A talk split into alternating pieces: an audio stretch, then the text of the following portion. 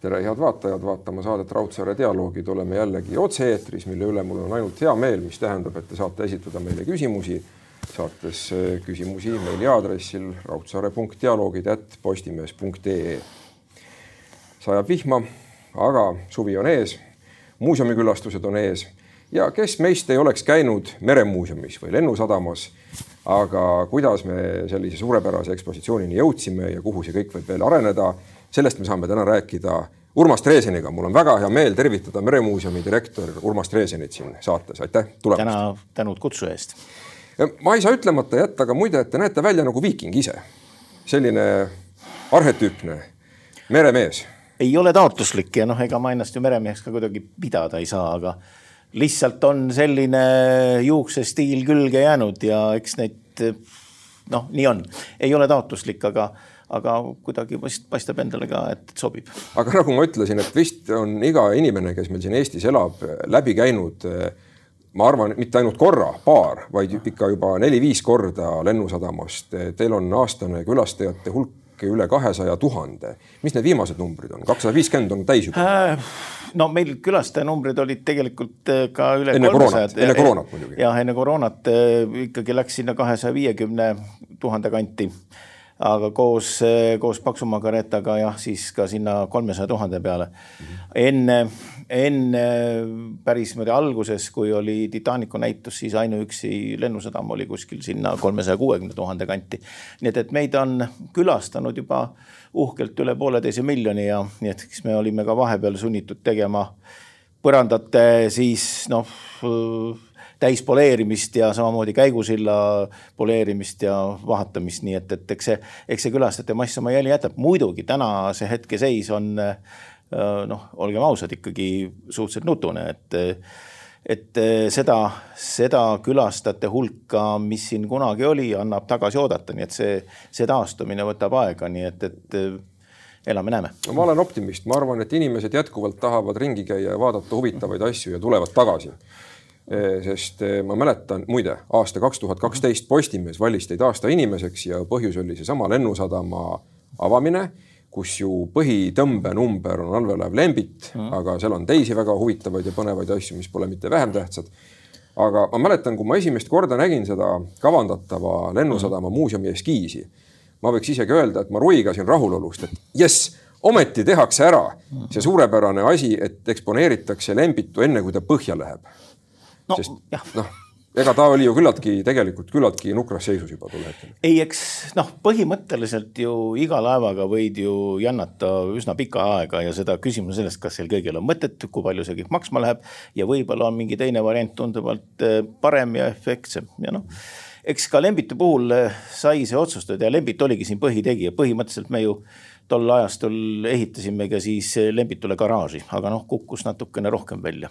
garaaži kuhu no garaaži siis vesilennukite angaaride sisse. see Aa, oli niisugune. ja sellest kasvas välja see muuseumi no, idee? no algidee oli ikkagi tunduvalt tagasihoidlikum, algidee oli üldse, kui ma kõigepealt mõtlesin, et teeks niisuguse koha, kus saaks mererelvastuse laevad Lembitu välja panna ja ei olnud ka isegi mingit küttelahendust, aga iga asi ju areneb ja lõppeks üsna selgelt heitsime selle mõtte kohe selja taha, et, et, et parem kui teha, siis teha sellisel viisil ja eks ta oli ka nagu niisuguses gradatsioonis, sest me kõigepealt tegime ühe europrojekti, millega saime natuke sadamat korda, saime väikse sadamahoone, saime mänguväljaku ja noh, siis kahe tuhande kaheksandal aastal sai kokku kirjutatud eelarve juba siis angaaride tegemiseks. angaarid jõudsid ka siis äh, peale pikki kohtuvaidlusi ka jällegi Eesti riigi kätte. oo jaa, me mäletame Nii kindlasti et, kõik jah. neid äh, videokaadreid, kus Lennart Meri ja. oli president, oli seal Lennusadama väravas ja mingid umbkeelsed vene, vene mehed ütlesid, et ärge tulge. no ega meil oli endal ju sama, et, et kui me Suure Töllu olime sunnitud admiraliteedi basseinist ära tooma kahe tuhande neljanda aasta jaanuaris, et ega see oli ka siis ainuke koht, kuhu me saime tol hetkel laeva tuua ja tol hetkel jäämurd ja Suur Tõll oligi tõeline jäämurd ja see oli talvine aeg. me saime kaikoha sinna, siin oli veel mitmed abistajad olid tol hetkel oli, oli selleks, et me sinna üldse saime, seal meid tookord aitas nii Keskkonnaministeerium kui ka siis tol hetkel piirivalvejuht Tarmo Kõuts admiral, nii et, et ega see, see, see kõik oli üsna keeruline, samas ega meid ju seal väga hästi vastu ei võetud, seal pigem saime ka meie samasuguse vastuvõtu osaliseks, aga. saite sõimata?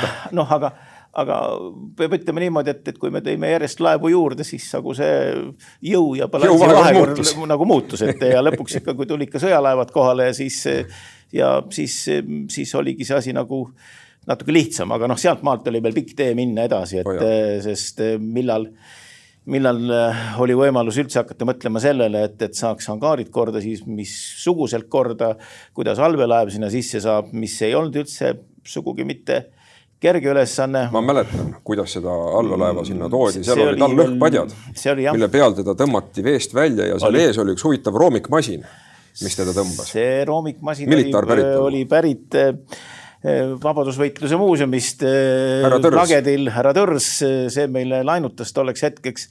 nii et niisugune vana nõukogu tehnika. aga kuidas te selle peale tulite, et seda masinat just kasutada? Eh, eks eh, seal oli taga, oli, oli siis eh, niisugune firma nagu Fort Ehitus, kes lõpuks välja mõtles koos siis inseneridega, et, et see on kõige realistlikum tee, sest olgem ausad, see lembitu väljatirimine läbi nende õhkpatjade, see oli kuskil mingi kolmas variant või neljas variant, sest. mis variandid seal veel laual olid? Oi, vahel olid ujuvkraana, siis oli ujuvdokk ja siis oli veel. tõstab välja, aga siis, siis oleks oli... tekkinud küsimus, kuhu rihmad panna, kui laiad ja, rihmad, et kere ei deformeeru. siis veel üks variant oli see, et lõigata mingil hetkel lembid kolmeks tükiks oh. ja siis niimoodi jupikaupa sisse tuua ja, aga noh, õnneks jätkus tervet mõistust öelda, et kõik need variandid on head küll, aga liigume edasi, otsime uut. sest ega maailmas on laevu vette lastud küll ja veel aga huvitav lugu on see, et veest maale saamisega on ju alati palju keerulisem. on ja noh, teine lugu on see, et allveelaeva puhul, et ma ikka meenutan seda ilusat suveaega, kui üks asi on allveelaev tirida otsejoones mööda slippi välja, seal me tegime talle sellise no niisuguse suure puhastuse ja ta ja esimesed sellised restaureerimised, mida on tarvilikud enne angaari sisseviimist, aga sellest sellest asendist tuli ta ju ka veel ju kuidagi angaari sisse saada ja see võttis mitu nädalat aega, et äh, allveelaevaga kuival maal ringi sõita, nii et, et oh see, see oli pikk, pikk protsess. ja eelkõige veel selle keeramine, nii et, et jällegi siin, et see oli noh, läks hästi, läks hästi, meil vedas, me ei pidanud allveelaevalt midagi maha demonteerima, kõik see klappis suurepäraselt ja eks ma isegi mäletan seda varajasi hommikutunde kuskil nelja-viie ajal, kui allveelaev oli lõpuks angaaris sees et siis oli niisugune tunne, et tegelikult nüüd võibki sellest asjast sellises, sellises kontekstis, sellise idee alusel võib ka tegelikult asja saada, kuni sinnamaani oli ikkagi väikene kahtlususs ikka kuskil näris, et noh, et kui see asi jääb nagu poolikuks, kui juhtub midagi, juhtub angaaridega midagi, ei tule, ei lähe sisse. et noh, siis võib tekkida mingi, mingisugune niisugune viga, aga kui allveelaev oli paigas, siis ma olin praktiliselt veendunud, et, et sealt tuleb üks hea asi. no toona ei olnud veel ees neid uksi, oli kogu oh, see. ei, ei, ei, no aga noh. kunagi see vesilennuki tiiva siru ulatuse laiune ruum no,, kust sai laev sisse. jah, ja see oli ka ainuke aeg, kui sai laeva sisse tuua, sest eh, tol hetkel eh, selle laeva sissetoomisega oli ka vist see, et, et samaaegselt äh, angaaride ehitusfirma, me pidime sattuma sinna sellisesse, sellisesse aega, et see sobis ehitusfirmale, see sobis nendele, kes tegelesid väljas eh, sillutiskivide paigaldamisega, nii et, et kõik see oli mingitel hetkedel üsna närvesööv ja vahepeal tuli ka veel merepäevi ära pidada, nii et, et, et see. aga võib-olla on, kui noh mitu asja kokku satub, siis inimloomus leiab selle kõige ratsionaalsema tee sealt niimoodi läbi vangerdada no ei no tulemus on igal juhul uhke, selles pole mingit küsimustki, aga tol hetkel olid ju ka need angaarid ise väga nukras seisus, et öeldi, et ja. ma olen lugenud paar aastat veel ja olekski olnud võib-olla juba raske taastada, sest mis hoiab üleval raudbetoonkoorikut, on ju ikkagi sarrus.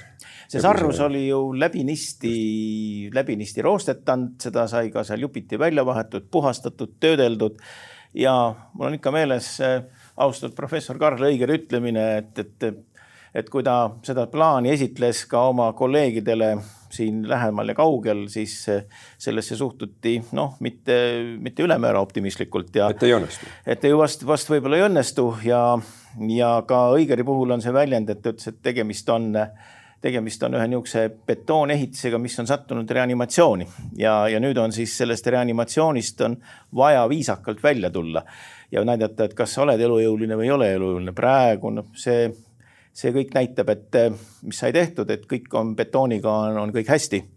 Te monitoorite seda ka ikka? me monitoorime seda, seal on spetsiaalsed markerid peal, nii et me ikkagi seda monitoorime kogu aeg et sellega on, sellega on hästi. et vajumist midagi ei, ei ole, külastajad võivad olla rahus? ei, külastajad võivad olla rahus, noh, seda, seda enam, et et kogu see angaaride siselagi on ju saanud, põhimõtteliselt lagi on saanud uue ülitugeva betoonkatte no,. sinna lasti dokreetbetoon, lasti otsa kiht ja otsa peal, katuse peal on tegelikult noh, ei, on selliselt, et seda kõik need mm, siis sarrused mm, võeti lahti ja nad õmmeldi kinni, nii et, et kui see mingil hetkel nägi välja ta selliselt, et nagu üks suur riideese on siis kokku traageldatud ja siis sinna peale tulid veel omad kihid ja praegu on ja siis tuli see katusisolatsioon ja muud katted. aga olgu nüüd kohe ära, võib-olla ongi sobiv koht öelda, et kasutades ära koroonat ja, ja natuke niisugused mm, laisemat külastajate poolset hooaega, siis eh, lähinädalatel läheb käima meil lennuki angaaride ees katusekatte vahetus hmm. aga see tähendab seda, et, et eh, kerkivad tellingud, nii et, et eh, kes näeb tellinguid, siis ei maksa ära ehmatada, betooniga on kõik korras, aga katusekate läheb vahetusse, isolatsioon läheb vahetusse ja samaaegselt, kuna meil järgmine aasta saab kümme aastat, siis me plaanime ka ekspositsioonis väikeseid muudatusi teha ja kõige parem on osa valguskaableid eh, või siis elektrikaableid vedada siis katuse, eh, katuse pealmises kihis ja üht-teist me toimetame seal veel, et olla siis jällegi päris äh, värsked siis, kui Lennusadama avamisest saab täpselt kümme aastat. täpselt kümme aastat, aeg läheb kiiresti, midagi pole öelda. Äh, kohutavalt kiiresti.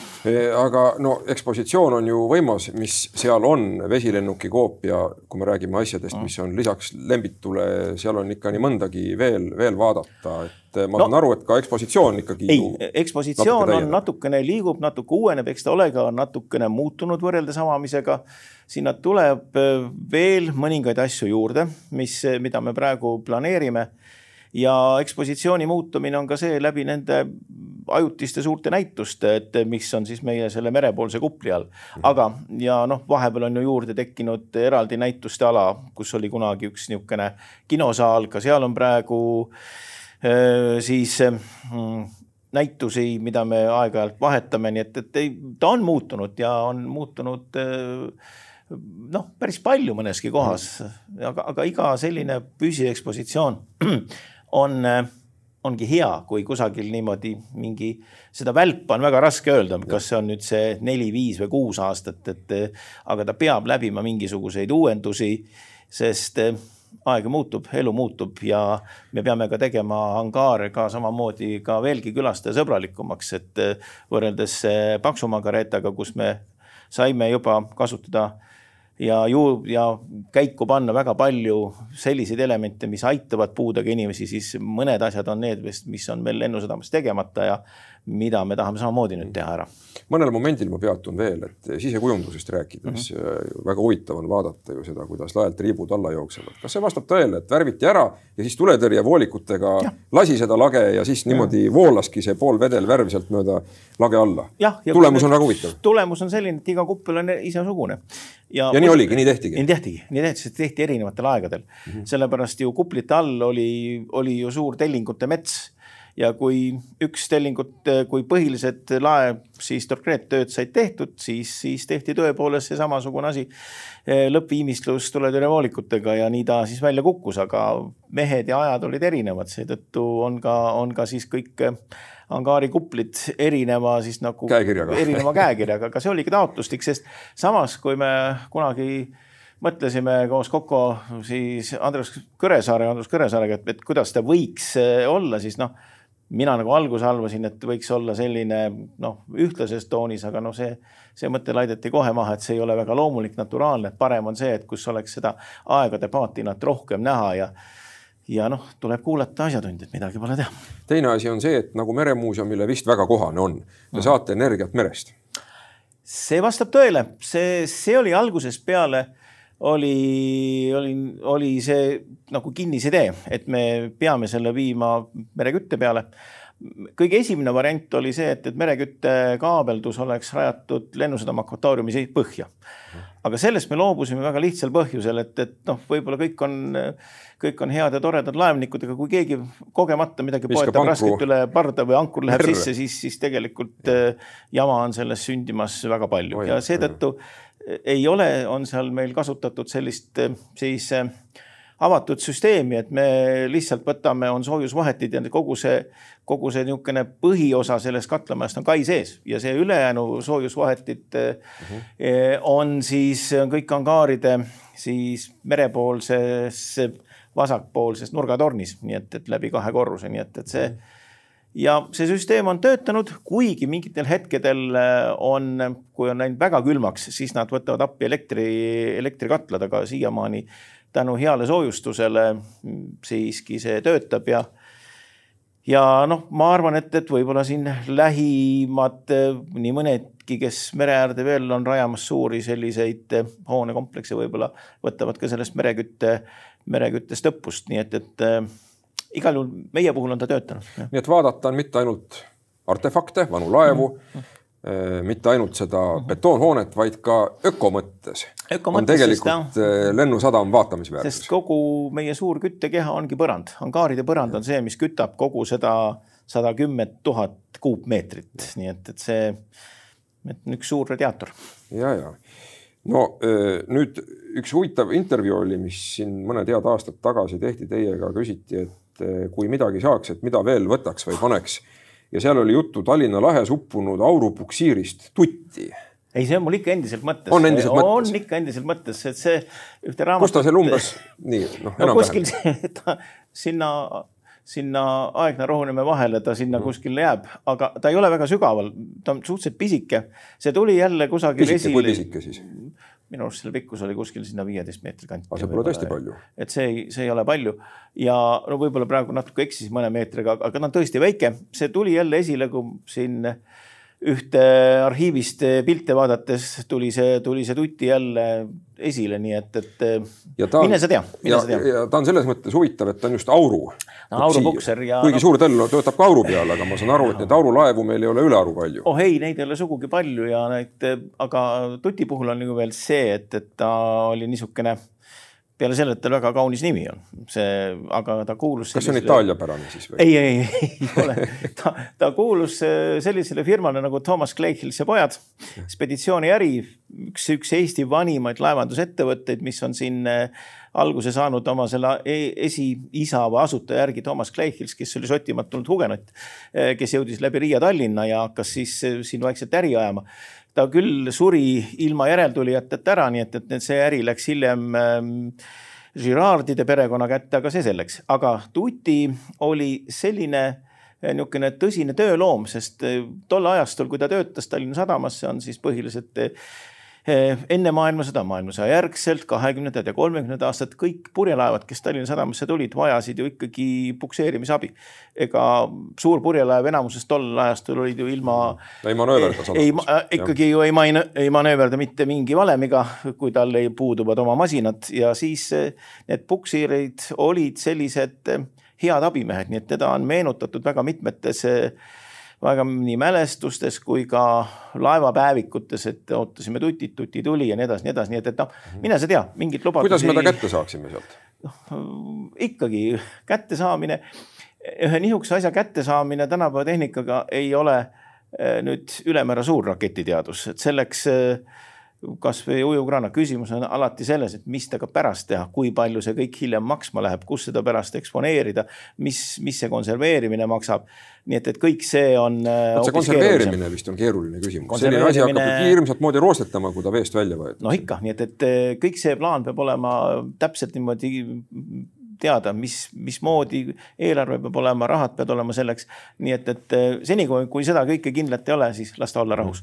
aga kui nüüd tuleks uudis ühel hetkel, et me tõesti leiame üles Kalevi ehk siis Lembitu sõsarlaeva, kas ja. võtaks sealt teise peamasina ja komplekteeriks lõpuni ära selle Lembitu praegu? Eh, kindel seisukoht on see, et, et eh, las ta jääb sinna, kus ta on. peame väikese, kui see tuleb kui tarvis, mälestame, teeme mingisuguse vastava vastava mälestusteenistuse ja iga sõjalaev, mis on läinud niimoodi põhja, olgugi et ta oli siis punalipu all, no las ta olla rahus mm. -hmm. nii et, et lihtsalt see teadmise fakt väga hea, me teame, kus ta on ja las olla nii et, et ei, ma nagu väga ei poolda seda, et me nüüd pingimata hakkaksime sealt, et näed, meil Lembitul on mingi, mingi asi puudu, et lähme kruvime maha, et, et see, see ei oleks väärt. seal ikka üht-teist on nagu ära virutatud ju, et eh, periskoop on asendatud, ma saan aru, see ei ole enam originaal. ei noh, Lembitu peal toimetati muidugi, aga Lembitu peal need, seda ei saa ka no pidada tol hetkel väga virutamiseks, sest need asjad, mida tehti, tehti siis, kui ta oli Sormovos Volga jõe peal, oli õppetreeninglaev.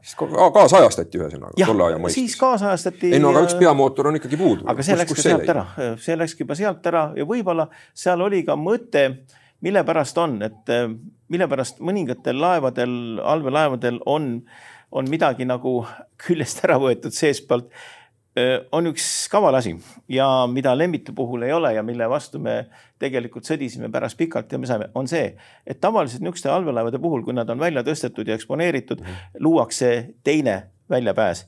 Äh, et oleks külastajatele. külastajatele ja seda tavaliselt nõuab ka tuletõrje ehk siis Päästeamet. Mm.. Lembitu puhul seda ei ole. Ja, ja meil, meil oli algus oli tõesti, oli selline peaaegu et nõudmine, et Lembitul tuleb luua samamoodi teistsugune päe läbi kere mingisugune no. see on jälle muinsuse lõhkumine, et kui käia Soome linnas, kus on ja. ka üks allveelaev tõstetud, sinna on tehtud külje sisse auk, et trepp pidi mõnusalt sisse saavad külastajad aga jällegi teisest küljest see on autentse allveelaeva lõikamine. aga samas ma seda Lembitu puhul ei tahtnud mitte mingil juhul, et see tuleks. see oli, aga selle hind on see, mida tavaliselt külastajad ei tea, et on see, et, et ainuüksi Lembitu jaoks on rajatud Lennusadamasse äh, sprinklersüsteem, mis on seal laes need torud on kenasti maskeeritud, neid kõiki ei näegi. allveelaevas sees? allveelaevas sees on eraldi sprinkler, tähendab, ei ole ju sprinklerit kui sellist, ei ole äh, lennuangaarides, sest seal, seal need süsteemid on teised, aga allveelaevasse eraldi on rajatud sprinkler. allveelaeva sprinklersüsteem saab toidet eh, linna veevõrgust, aga Päästeameti nõudmine tol hetkel oli ka veel see, et aga mis juhtub siis, kui, kui allveelaevas on tulekahju okay., linna veesüsteem ütleb üles eh, ja te vett ei saa, on jälle, on jälle häda majas ja selle, et sellest pääseda, on siis samas kui sõita siis idapoolset fassaadi mööda siis sadamasse on, on seal maa all on üks suur reservuaar, nii et me oleme rajanud ka selleks, et kui juhtub, et vett ei tule linnast, siis mm -hmm. sprinkleri vee me saame maa-alusest veereservuaarist ja see on kõik rajatud eh, tol hetkel eh, lembitud turvalisust silmas pidades ja ka seda, et me ei peaks talle lisa sisse niisugust ava kusagile korpusesse lõikama. mis on väga hea. nii et, et. te ise töötate Meremuuseumis seitsmekümne üheksandast aastast, kaheksakümnenda aasta aprillis Paksu Margareeta toonane ekspositsioon avas uksed. kaheksakümmend üks. kaheksakümmend üks jah, meil kaheksakümnendal eh, sai ta tehtud olümpiamängudeks eh, kaks korrust lahti, kus oli, all oli purjespordi näitus. see oli ajutiselt siis? see oli ajutiselt. ma eh, mäletan, et ma kaheksakümmend, ma käisin ja, seda ise vaatamas. ta oli, põhitööd olid valmis, aga, aga nagu ikka mõnikord ekspositsioonidega juhtub, et kõik ei saa valmis õigeks ajaks. aga seal oli, kui ma nüüd ei aja ikkagi aastaid segi, et noh, ikka lapseea meenutused on lapseea meenutused. tähendab, kaheksakümmend oli... oli, tähendab, põhiekspositsioon ei olnud valmis, olid eksponeeritud laevamudelid, sest ma mäletan seda, et, et ma ise ju ei olnud väga osaline selle ekspositsiooni tegemisel, kuigi ninapidi juures ma seal muidugi olin. Bruno Pao oli vist. täpselt nii, Bruno Pao, Ants Pärna, Jaak Sammet. Äh, legendaarsed tegelased kõik. Velju Saharov, Vaike Raudsepp, äh, Katrin Sauamägi, Reet Naber, kes iganes. aga noh, mina olin seal rohkem niisugune õpipoiss ikka siis, et mhm. see et ehm, jah, aga kõik need, kuna vitriinid valmisid, eh, suured vitriinid, mille, mis siis nüüd on jah, oma eksistentsi lõpetanud ja mis olid tõesti üle kolmekümne aasta Paks Margaretas selles põhiekspositsioonis, mida enam ei ole, valmistas eh, mingi teatriliidu kombinaat eh, ja nähtavasti seal selle suure rauatöömassiga jäädi natuke hätta ja siis oli see klaasimisega mingi häda ja no eks see ja tookord ekspositsioon joonistati ju kõik Arsi kunstnike pealt kirjutati käsitsi koha peal. no nähtavasti ja kõik see võttis aega, nii et, et ja võib-olla ka poolakad ei suutnud päris õigeaegselt, Pudimäks ei suutnud ka päris õigeaegselt kõik üle anda. tuletame meelde, et Paks Margareeta pandi põlema omal ajal, ammusel ajal no,, eks ole, kui revolutsioonilised sündmused. see oli revolutsioonilised sündmused. enne veel vabariigi eh, tulekut. Eh, seitseteist ja eks see Paks Margareeta nägi ju siis välja paari päeva jooksul nagu üks suur lõõmav korsten, sellest on mälestusi päris palju ja, ja muidugi sellest põlema panemisest oli tegelikult ainuüksi vähe, sest sest noh, kohalikud aktivistid ikka käisid ka seal dünamiidiga veel läbi, sest nad lootsid leida veel mingisugused varjatud kambrid, mida kasematt, kuigi on seal kinni, mida kunagi pole ka Mar Margaretas olnud, aga mm. tähendab, et peale peale põletamisega seal lõhati, nii et aga siis pärast seda ta kõik jäi ju. siis ta nagu oligi jäi. varemetes, kuni tuli meremuuseum. No mitte päris, et see noh, põhimõtteliselt torn kui selline jah, oli küll varemetes, kuigi olgem ausad, kolmekümnendate aastate lõpuks olid siiski varemed korrastatud, olid tehtud äh, ajutised äh, siis müürikaitsed äh, katuse, katuseservadesse, sees oli, aed oli korrastatud, oli, olid dolomiitplaadid, roosipõõsad, kahurid, raidkivid, need olid kõik eksponeeritud siis, kui neljakümnendal aastal avas seal uksed Tallinna Linnamuuseum. -hmm. aga pärast seda, kui Linnamuuseum sealt ära läks ja linnamuuseum kolis ju Vene tänavale ümber ja siis eh, meremuuseum oli, oli siis ainult selles kõrvalhoones, neljakorruselises, me kutsume seda administratiivhooneks, eh, oma väikse ekspositsiooniga. torn oli tõesti, siis see torn jäi kogu aeg aasta-aastalt, eh, jäi selliseks noh, no natuke hüljatuks, nii et, et seal põhiliselt elasid ikkagi tuvid ja, ja, ja siis kasvasid mingisugused, mingi roheline ollus seal. nii et, et see ja, ja samas ma olen ka seda mõelnud, et ähm, tol hetkel oli enne seda kuskil kuuekümnendate, kuuekümnendate keskpaigas kuni siis seitsmekümnendate keskpaigani oli direktori kabinet, kelleks oli tookord siis doktor Ants Pärna, olid tema kabineti aknad, vaatasid eh, torni tühja sisemusse, nii et, et kui nüüd natuke uurida seda, olen vaadanud, et, et kuskil üsna ruttu, kusagil kuuekümnendate aastate lõpus tegi ta juba esimese taotluse, et võiks nagu torni hakata ka renoveerima. kuuskümmend viis Meremuuseum loodi. jah, kuus, kuuskümmend viis ta ei loodud, ütleme kuuekümne viiendal aastal Meremuuseum avas Pikk tänav seitsekümmend esimese ekspositsiooni. kuna ta siis loodi? kolmkümmend viis meremuuseumi lugu ikkagi läheb algusesse äh, siis äh, Tallinna Sadamasse, Paikovi sillale. press on praegu, kui nüüd täpselt keegi tahab paika panna, kus oli Paikovi sild, siis Paikovi sild on see osa Tallinna Sadamast, kus on teeterminal ja teeterminalist tulla admiraliteedi basseini poole, admiraliteedi kanali poole. seal vahepeal oli siis, olidki siis laohooned ja ühe teise korruse peal oli siis meremuuseum, nii et see on, meremuuseum loodi kolmekümne viiendal aastal, kui veeteede talituse sihtasutus, seal oli üks töötaja, süvendus, süvenduskapten ja siis äh, kapten Madis Mei, kes siis toimetas kolmekümne viiendast kuni neljakümnenda aastani, kui ta siis paraku suri, aga noh, siis neljakümnendal aastal äh, muuseum pandi ka kinni. Õnneks äh, tol hetkel oli ju selge, et kui üks muuseum on sadamas ja on sõda, siis et jääda lootma sellele, et ükski pomm muuseumit ei taba, oleks olnud püha lihtsameelsus ja kõik see varad said sealt ära koristatud, Tallinna erinevatesse keldritesse ära peidetud, nii et me siiamaani. aga pomm tabas? muidugi maa, maatasa läks kõik, nii et, et äh, seal ei jäänud midagi järgi, kivi kivi peale, aga muuseumi varad kolmekümne viiendast aastast äh, saadik on meil siiski suures osas säilinud, nii et, et meie valgusaeg on ikkagi kolmekümne viies aasta, kahekümne kolmas veebruar ja alati meie oma juubeli või sünnipäevade pidamisega oleme siis natuke noh, selles mõttes, et järgmine päev on vabariigi aastapäev ja siis mõnikord no kui vabariigi aastapäev on väga suur, siis võib-olla meie jääme nagu tähelepanu alt välja, aga noh, see selleks. oma sünnikuupäevi ei ole võimalik ju valida, nagu me teame. no nii see on. jah, aga nüüd teil on ikkagi valik tehtud ju ja valik on see, et eh, seitsmekümne üheksandast aastast Meremuuseumisse tööle läksite, olles õppinud eh, Tallinna kahekümne teises keskkoolis, nii et siis te ei olnud isegi ülikooli veel mitte lõpetanud. Uh.. ülikooli lõpetasite ajaloolasena.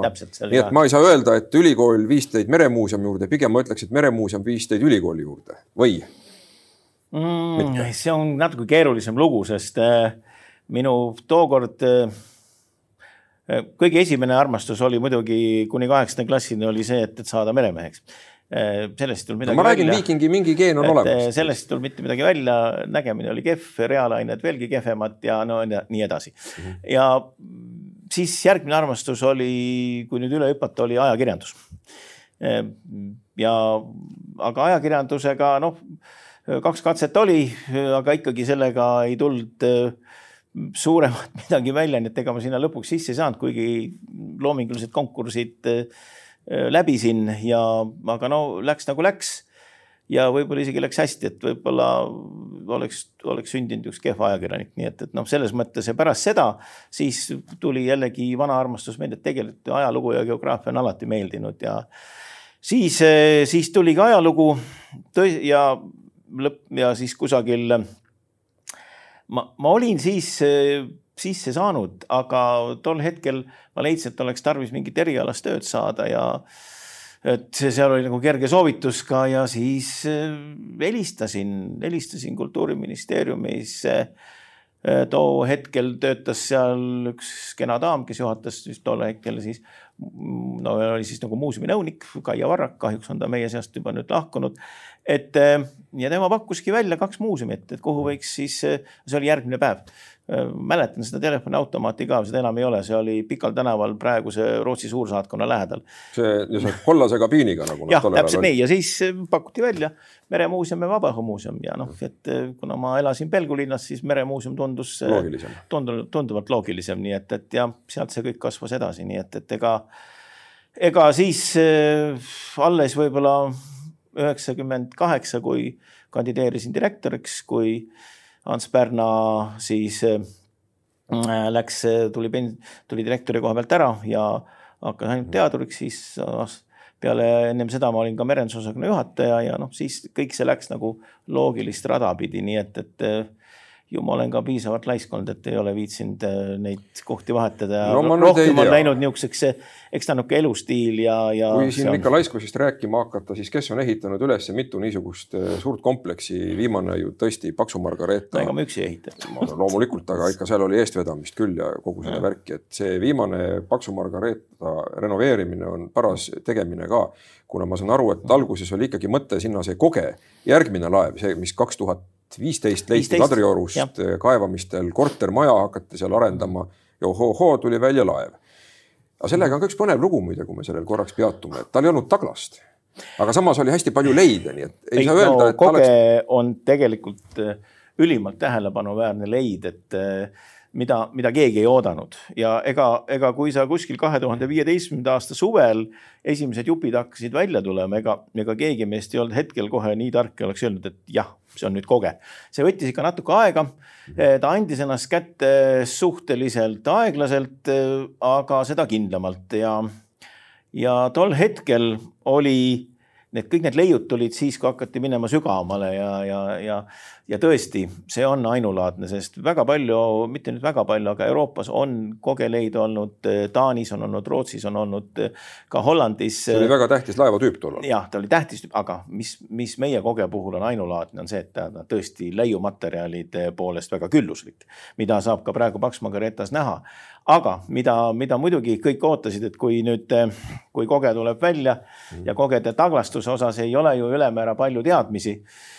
Eh, noh, on küll, aga noh, ikka iga asja kohta tahaks nagu täpsemalt, siis eh, et oleks tulnud seal välja mõni üksik eh, köieots tuli välja, natuke võib-olla mingi, mingi purjeräbal, väga pisikene.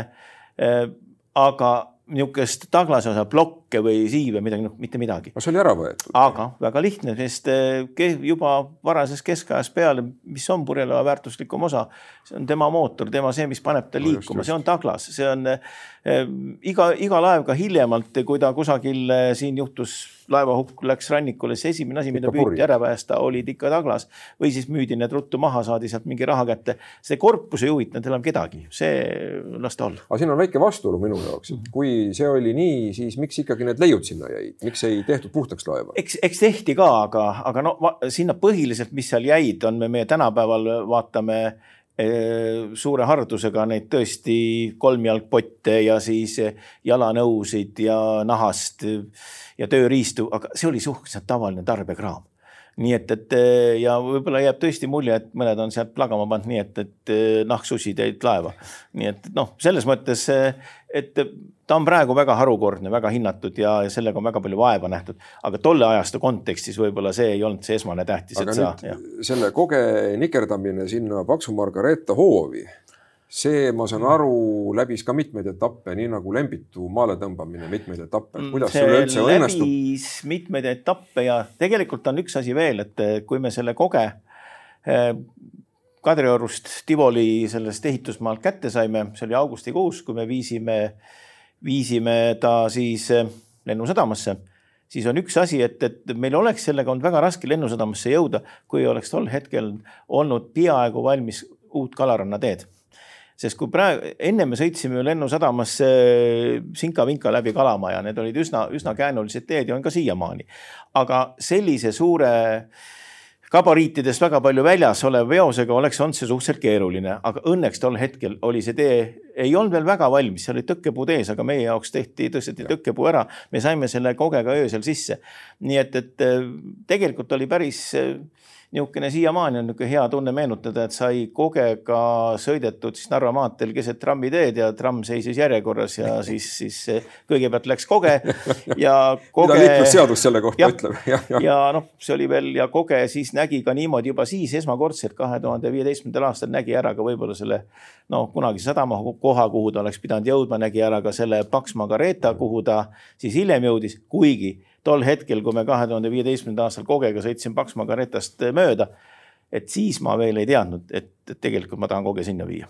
siis olid igasugused muud mõtted, olid, olid mõtted eh, mingis muus laevahallis, võib-olla ka natuke lennusadam iseenesest eh, oma mesinike angaariga, aga iga mõte tahab settimist. tol hetkel mm, ma nii kaugele isegi ei mõelnud, ma mõtlesin, kuidas, kuidas ma selle nüüd äh, suudan ära konserveerida. ja, ja teiseks, kuidas leidudega oli juba natuke lihtsam, aga kuna on tegemist märja puiduga, siis äh, selle nii suures mahus konserveerimine, kunagi me olime seda maasiline laeva puhul teinud, see õnnestus. Ja aga, aga see ei pruukinud jälle minna täpselt, kõik need leiud on erinevad, kõik need on erineva veesisaldusega, see puit see tahab alati erinevat lähenemist saada ja ka meil olid eh, mitmed variandid eh, kuni selleni, et me ehitame suure basseini lennusadamasse, kuhu me ta sisse uputame, aga, aga siis on ikka niimoodi, et räägi inimestega, võtta erinevaid eh, professionaalseid nõustajaid, kes on tegelenud nii ja siis meil olid nõustajad nii, nii Inglismaalt kui ka Mary Rose Trustist kui ka hiljem Soomest, kes viisidki selle asja lõpuni, kes ütlesid tegelikult, et et eh, kuna ta ei ole, ta on olnud märjas liivas, aga ta ei ole läbini vettinud, et nende päris mitmeid puiduanalüüse selgus, et kõige parem on seda aeglaselt kuivatada, puhastada, kontrollida, jälgida, et ei tekiks sinna mingisuguseid eh, hallitusseeni või. mitte uuesti uputada. ja mitte, aga, aga et kui vähegi võite, ärge uuesti uputage. no ja seda teed me läksimegi, nii et, et hiljem on seda siis küll tehtud niisuguse jääpuhastusega ja ega ja põhiliselt olid esimesed kuud või pool aastat või isegi rohkem oli see liiva väljapuhastamine, sest seda liiva tuli ikka tuli ja tuli ja äh, teadur Priit Läti sai seal veeta mitte ainuüksi tunde, vaid ka võib-olla nädalad ja kuid, et äh, koos oma abilistega see ja siis kõik see veel välja puhastada. ja siis olid ka meil jah, Soome poolt äh, olid Heiki Häuha juhtimisel olid ka olid ka Soome konservaatorid abiks, nii et, et eh, eks ta oli niisugune rahvusvaheline projekt, et ta sai sellisesse, sellisesse olukorda, nagu ta on. ja siis tuli järgmine asi, et, et, et kuidas seda eksponeerida, sest no iga laev peab olema eksponeeritud selliselt, et oleks võimalikult hästi jälgitav, alati võib olla mitu tasandit ja altpoolt, altpoolt, keskelt, ülevalt ja nii nagu, nii et eks, eks siin natuke sai nagu natuke korratud ka mingisugust eh, lennusadamat tuleb endale tunnistada, noh, aga, aga siiski tunduvalt väiksemates dimensioonides. aga eelkõige oli selge see, et, et koge peab olema eksponeeritud niimoodi, et me ei pane teda kuskil mingisse traatkorvi see on selle puhul nüüd, mida, mida maailmas väga palju enne pole tehtud. et selle koge, aga teda toestada on ju vaja, pealegi ta ju on seal niimoodi, et vöör läheb ju suhteliselt oleks justkui väga vaba, aga see tähendab seda, et selle hind oli see, et me rajasime põlve otsas äh, koge sisse siis tugiraamistiku, mida ei ole väga näha, aga, ja siis veel, veel natukene ka seda sai toetatud, ähm, toetatud siis erinevate teraskaablitega, mida siis töötas välja MEC inseneribüroo kes, kes oli ka meie, meie heaks partneriks, kui me tõime allveelaeva Lembitut välja. no mis on et, jällegi innovatiivne lahendus. see on innovatiivne lahendus, sest et mul oli soov jah, et ta, et ta oleks eksponeeritud võimalikult noh, ütleme lendav koge, nii palju, kui teda võimalik lendama panna selles siseruumis ja ja ma arvan, et selle me saavutasime, nii et, et, et see koge püsib, eks teda tuleb samamoodi monitoorida kogu aeg, vaadata, et eh, sinna oleme taganud sinna ruumi ka natuke teistsuguse kliima. Eh, nii et, et noh, eks ta, eks ta on, et äh, palju teil kokku neid merekõlbulikke laevu on, Suur Tõll on ju merekõlbulik tegelikult ja seal on need mõned piirivalvelaevad ja see Ameerikast no, tulnud Valvas, Valvas no praegu, mis on meil meres, on vees, vabandust, on, on Suur Tõll, Maru ja siis on Valvas on siis mhm. niisugust kolm suuremat laeva.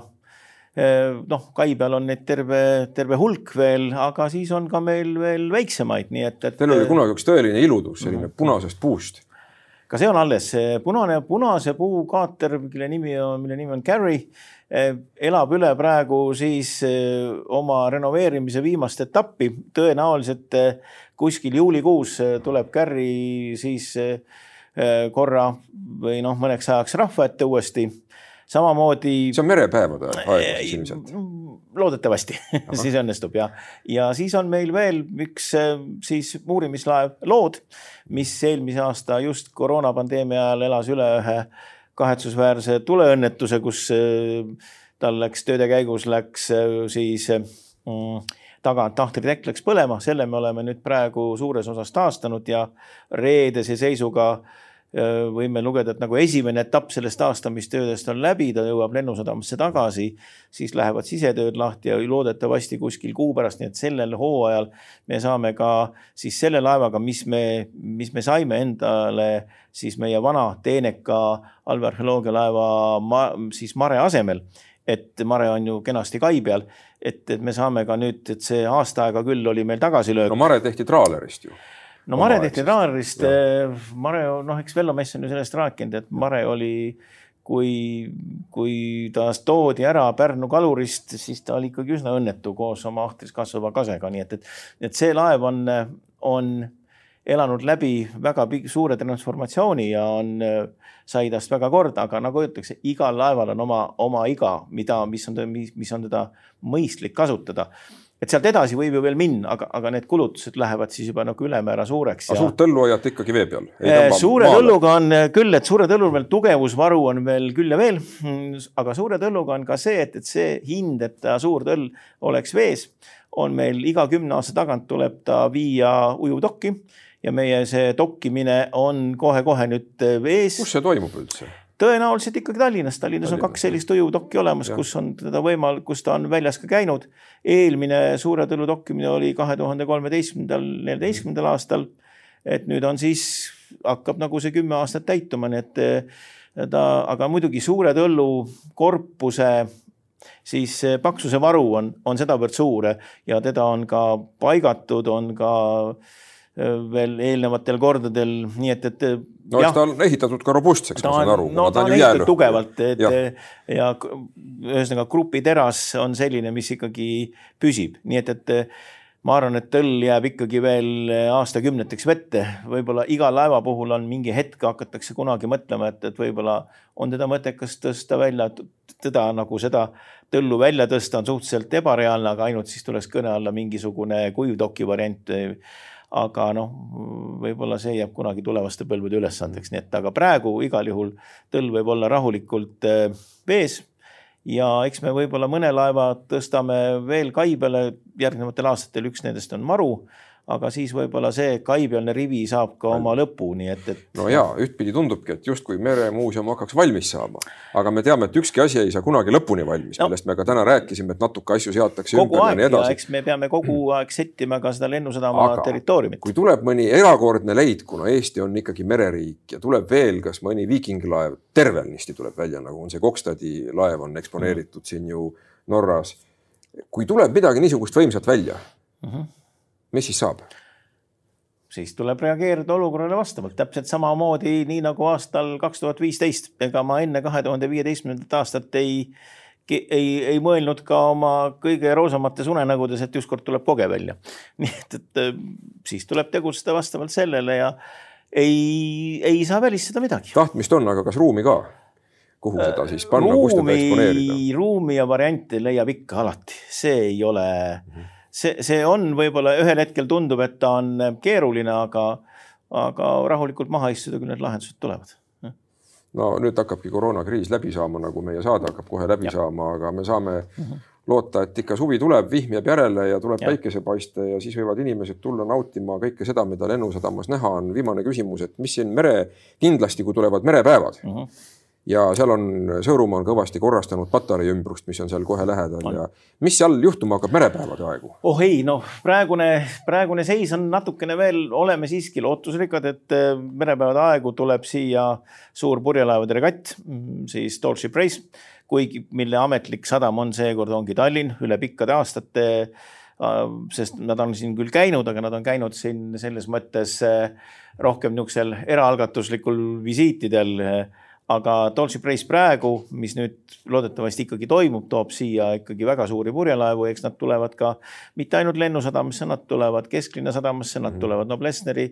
nii et, et ähm, eks, aga mis seal siis nüüd toimuma hakkab, eks no nii nagu merepäevade melu on seda aeg-ajalt toonud, eelmine aasta jah, jäi ta ära nagu, nagu mitmedki asjad, aga ega ka siin tänavu aasta koha peal on ikkagi ju tänase hetke seisuga on nii mõni küsimärk üleval, nii et, et eh, aga liigume sammhaaval ja, ja ehk kõik toimub. no igatahes vaatamist on. vaatamist on. ja suur tänu selle suurepärase töö eest, mida teie ja Meremuuseum ja kõik teie abilised on teinud.